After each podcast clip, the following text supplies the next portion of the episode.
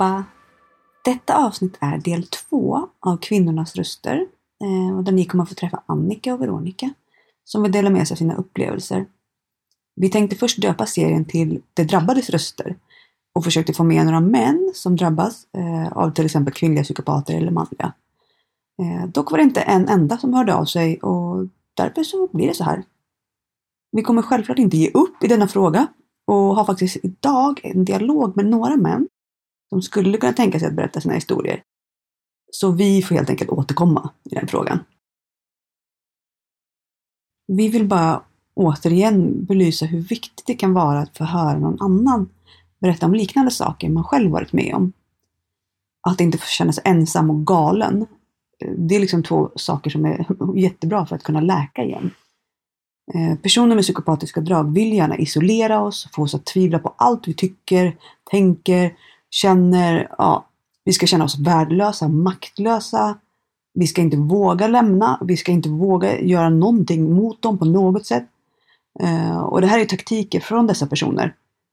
Och när man hör någon annan berätta så känner man liksom nästan lite kusligt hur mycket likheter det kan vara. Lite som att vi har träffat samma personer fast det inte ens är så. Och för alla er som vill prata med andra som har varit i liknande situationer eh, och få råd och stöd så har vi vår slutna grupp på Facebook.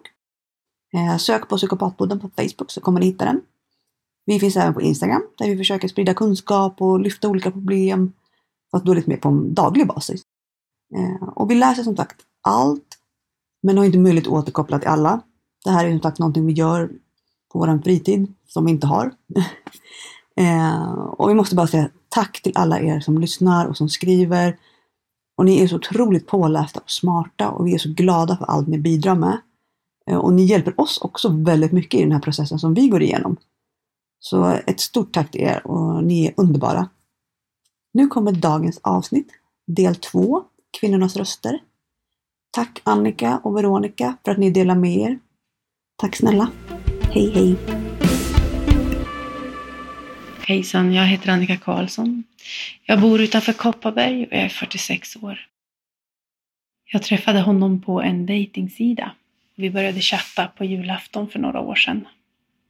Det tog ungefär ett år. Sen var jag tvungen att byta lås på min dörr för att bli av med honom eftersom han vägrade flytta ut ur huset.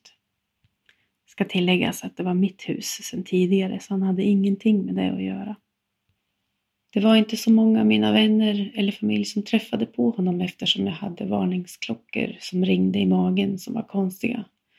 Men eftersom man känner till att man har själv fel och brister och eftersom man har haft kanske trauman sedan förut som spelar in så tänkte man att det var nog mitt fel. Men de människorna i min närhet som träffade på honom tyckte att han var lite märklig och uppfattade honom som lite blyg och osäker. Men efteråt så fick jag höra att han var inte så bra på att jobba och skrävlade mest på jobbet om att han var så jävla duktig. Om det var någon som hade gjort någonting bra så hade han alltid gjort någonting som var mycket bättre. Så när jag påtalade att vi hade problem och vi var tvungna att göra någonting åt det, att vi kanske inte skulle leva ihop, då var det den psykiska grejen som han gick på. Han skulle minsann tala om för alla vem fan jag var och allt jag hade berättat. Så alla skulle lämna mig. Det var ju även min största rädsla eftersom jag hade blivit mobbad förut i mitt liv och även haft att göra med en man som hotade mig på mitt förra jobb. Och det här visste han ju om. Och det utnyttjade han till fullo. Men det var ju även min styrka att jag hade tagit mig igenom det. Och där kom jag även på att det var ju inte mig det var fel på, utan det var ju han. För så gör inte en sund människa. Han tog ju även min telefon och började kontrollera den. Gick igenom mina gamla telefoner som låg med gamla meddelanden och sms. De gick han igenom och kollade. Kontroll. Fruktansvärd svartsjuka. Och när jag sa att vi kanske inte skulle ta och leva ihop så var det bara, nej men vi ska lösa problemen. Så reste han på sig och gick. Men den värsta rädslan den fick jag när jag fick se i hans telefon. I sökhistoriken fanns, så hade han sökt på knulla ungfitta. Samtidigt som han berättade att Han umgicks med en dömd pedofil. Jag kom även på honom med att spana in min då 17-åriga dotter. Ställde sig väldigt nära henne och jag tänkte bara att han kommer att tafsa på henne och skylla på att hon är dum i huvudet. Jag hittade även nedladdade videofilmer i hans, eller filmklipp, porrfilmsklipp, där unga tjejer, pretty little teens, söta tonåringar, hade grov analsex. När jag frågade honom en gång vad hans, hur ung han kunde tänka sig, hur ung kvinnan kunde tänka sig, så var hans enda kriterium att nej men hår på musen, det var det kriteriet de hade. Yngre fick de inte vara.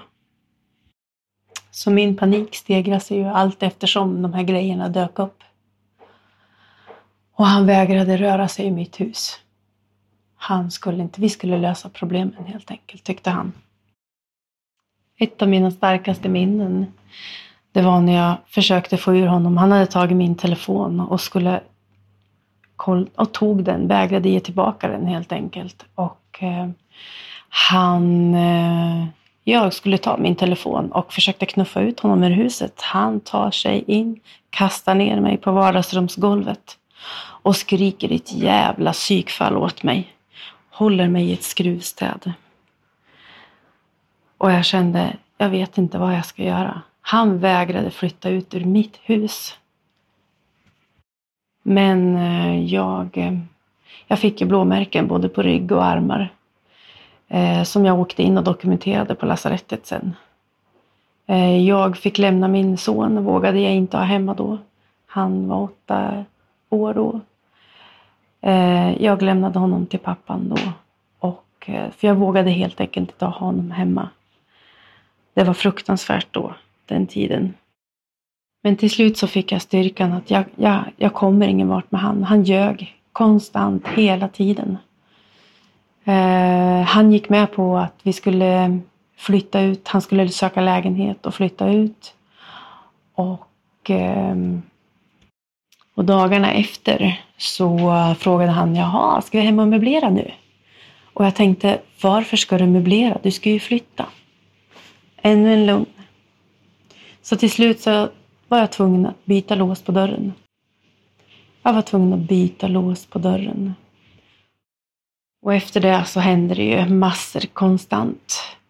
Jag eh, vart anmäld för brott mot sambolagen. Eh, och det var i Kronofogden. Jag eh, var tvungen att fly mitt hem för jag vågade inte vara hemma själv.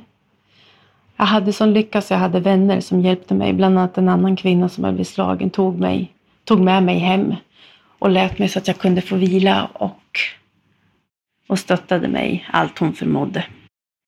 Samma dag som jag eh, bytte lås på dörren så eh, var han med i en trafikolycka där han eh, knäckte rebenen. Och eh, för det så eh, han anmälde mig för misshandel och påstod att jag hade sparkat honom. Han bytte ju även adress samma dag som jag bytte lås på dörren och flyttade över både sig och sin dotter hit. Eh, jag tog ut ett intyg från låsjouren som var här och bytte lås. Så jag fick ett intyg vilken dag och vilket datum jag hade bytt lås på dörren. Och eh, av... Jag anmälde honom för misshandel, han anmälde mig, men allting vart nedlagt. Så det hände ingenting. Tyvärr, kan jag säga. För då hade det kanske kommit fram mera på vem han, bevis på vem han verkligen är. Idag så har jag ju lever jag tillsammans med en man. Jag har hittat en alldeles underbar man som stöttar mig till 100 procent. Och jag bor kvar i mitt hus som jag äger till 100 procent. Det lyckades han inte ta ifrån mig. Och jag är så underbart tacksam över att veta att jag har vänner som backar upp till hundra procent. Människor som jag inte hade en aning om fanns där för mig. Det är så underbart. Jag heter Veronica och jag är 48 år. Och jag kommer från Gävle. Jag träffade min före detta man på en datingapp när jag var 45. Och det sa liksom bara klick. Eh, vi träffades eh, eh, på en uteservering lite ja, strax utanför stan här. Och eh, han var väldigt charmerande på alla sätt och vis och han connectade med mig väldigt snabbt och lutade sitt huvud mot mig och var väldigt, eh, ja, blev väldigt förtjust och begeistrad i mig och visade det väldigt, väldigt tidigt. Jag kommer ihåg att det kom fram en man och sa att vilket fint par ni är och vad fint ni verkar ha det och så. Så att han var tidig med att få in en hulling. Um, och eh, efter åtta månader, eller sex till åtta månader, så tog han min katt till sitt hus och i och med det så flyttade vi ihop. Och eh, eh, vi byggde ett hus, ett nytt hus och vi gifte oss ganska tidigt. Eh, allting gick väldigt, väldigt snabbt och eh, jag var uppsatt på pedestalen. Eh, ja, men bedyrade, han bråkade aldrig med varann och det var bara kärlek rakt igenom och min familj var helt betuttad av att jag hade träffat en sån trevlig man efter att jag hade haft några kraschade relationer. Så de var, tyckte jättemycket om honom. Eh, I den här relationen så förekom det inget våld men eh, det fanns eh, väldigt mycket att jag skulle förändra mig. Jag fick inte umgås med den jag ville och det var inte tillräckligt fint folk. Och, det var att jag skulle förändra min umgängeskrets på något sätt och han såg till ganska tidigt att isolera mig från andra människor så att jag blev som en liten ö med honom där. Och det enda vi gjorde var att han, han kunde komma och hämta mig från jobbet och, och eh, stod här utanför och väntade på mig och så åkte vi tillbaks till huset och jobbade där eller också jobbade vi på det gamla huset som, som eh, han hade och rensade skit och slängde sopor. Och, så att jobbet var både här på jobbet och på eh, hemma då i ja, två hus kan man ju säga. Då. Och eh, det starkaste minnet som jag har är när vi i huset och, eh, när två av hans barn var hemma där och han fick ett utbrott på dem. Och han skriker åt dem och är jättearg och, och så så. Så säger en av pojkarna att jag är så himla glad att du är här och ser det här. Eh,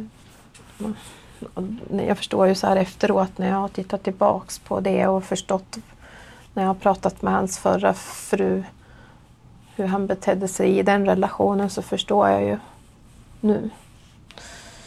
Um, och um, det uppbrottet som blev, det var egentligen min son som misstänkte tidigt och bestämde sig för att aldrig mer sätta sin fot i hans sällskap för han tyckte att den här mannen som jag levde med var väldigt lynnig.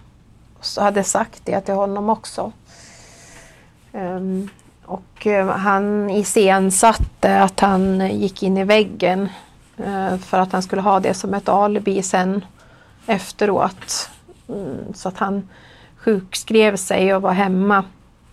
Under den tiden så ehm, bestämde jag mig för att då det uppdagades att jag inte ägde någonting i huset eller någonting, jag ägde ingenting. Huset var en enskild egendom vilket betydde att jag hade lagt in en massa pengar i huset som, i ett hus som jag inte ägde. Eh, och han var väldigt noga med att liksom hitta alibi till allting så att gå in i väggen var ju ett perfekt alibi för honom att sen använda och säga till sina vänner och bekanta att han var så deprimerad utav att vara tillsammans med mig och att jag hade förstört. Ja. I själva verket så lurade han på en massa andra saker, la ut sig på Tinder. Så han träffade sin nya partner som han lever tillsammans med i, i huset bara någon månad efter att jag hade flyttat därifrån. Eller flytt därifrån rättare sagt. För jag fick eh, fly hals över huvud. Och han hotade med att slänga ut alla mina saker på gatan om jag inte hämtade dem. Skickade flera meddelanden med olika förtäckta hot och, och så. Så det var en ganska jobbig tid efteråt. Nu så här två år senare så är det jätteviktigt för mig att berätta min... Jag har varit tillsammans med någonting som kallas för relationspsykopat och det vet vi alldeles för lite om. Men jag såg till att den sommaren att jag tog reda på så mycket som möjligt om vad det betydde för någonting. Relationspsykopati. Jag blev ganska mycket informerad via böcker och så. Ehm, så jag kan varmt rekommendera Eva Russ böcker. Ljudböcker gav mig väldigt mycket. Eh, det gick så långt så att jag ville inte leva. Ehm, jag mådde väldigt, väldigt dåligt under en lång period. Skuldbelade mig väldigt mycket och, och så. Var väldigt rädd var jag. Fick skyddad identitet. Jag och min son. Men eh, nu när det har gått två år så har jag investerat i mig själv. Jag eh, började sakta men säkert att kravla mig upp ifrån det där svarta hålet. Jag var ju också även hjärntvättad. Ehm, jag kan inte se det som något annat än hjärntvätt och någon sorts förgiftning. Så jag började träna ganska flitigt och i och med träningen så fick jag nya vänner. Ett nytt bekantskapskrets. Jag fick rensa bort lite vänner och även familj. Som på ett eller annat sätt valde att stå på hans sida eller som jag helt enkelt av skäl som att jag kunde inte umgås med dem för att de trodde att han var världens bästa. Mm, jag kan inte vara med någon som tänker så eller det går inte bara. Så jag värnade om mig själv och har så gjort i, i och nu det är ungefär cirka tre, kanske tre, fyra veckor sedan som jag började känna att jag var tillbaka på banan igen. Men det var ett slitet arbete innan. Jag frågade hans förra fru om hur lång tid det tog för henne innan allting släppte, för de har två barn tillsammans. Och nu är det här ett tag sedan jag frågade henne, men för henne tog det nästan, jag tror att det är nästan åtta år som det tog för henne att ta sig tillbaks. Hon var skuldbelagd uppe över öronen och vägde 45 kilo var en spillra av ingenting och det är den finaste kvinna jag har sett någon gång. Både invärtes och utvärtes. Och jag är så glad för att jag har fått möjligheten att höra hennes historia också vilket gör att det blir, mera, det blir lättare för mig att förstå det jag var med om också och hur manipulativ den här personen är. Han eh, är ganska högt uppsatt, eller ja, relativt upp, högt uppsatt. Vill väl åtminstone tro det. um, har ganska mycket mandat att, och befogenheter. Vilket gör honom extra farlig och manipulativ. Att jag väljer att berätta det här, det finns ju en viss risk att han kommer att baktala mig eller gaslighta mig på något sätt som han har nu gjort. Och det gaslightning vart man ju utsatt för hela tiden, massa skitsnack och som jag bara svalde, det gör jag inte längre. Allt det han har berättat är bara lögner. Ingenting är sant och när lögnen blir en sanning. Så ja, vad jag ger för råd till er kvinnor som är i samma situation är väl ungefär if, if you can't beat them, join them. Så vad jag menar med det är att lära sig så mycket som möjligt om det här. Var informerad. Sätt er liksom i skolbänken och ta reda på vad var det som hände. Prata med folk, berätta. Eh, ta hjälp av vänner. Gör en livsstilsförändring. Ehm, och jag finns alltid där. Jag finns alltid tillgänglig om det skulle vara någonting. Det krävs bara ett mejl eller sms eller någonting så ska jag försöka finnas där. Ha det så gott allihopa och tack så jättemycket för att jag fick vara med och berätta. Kanske låter lite spretigt allting men det, så får det vara.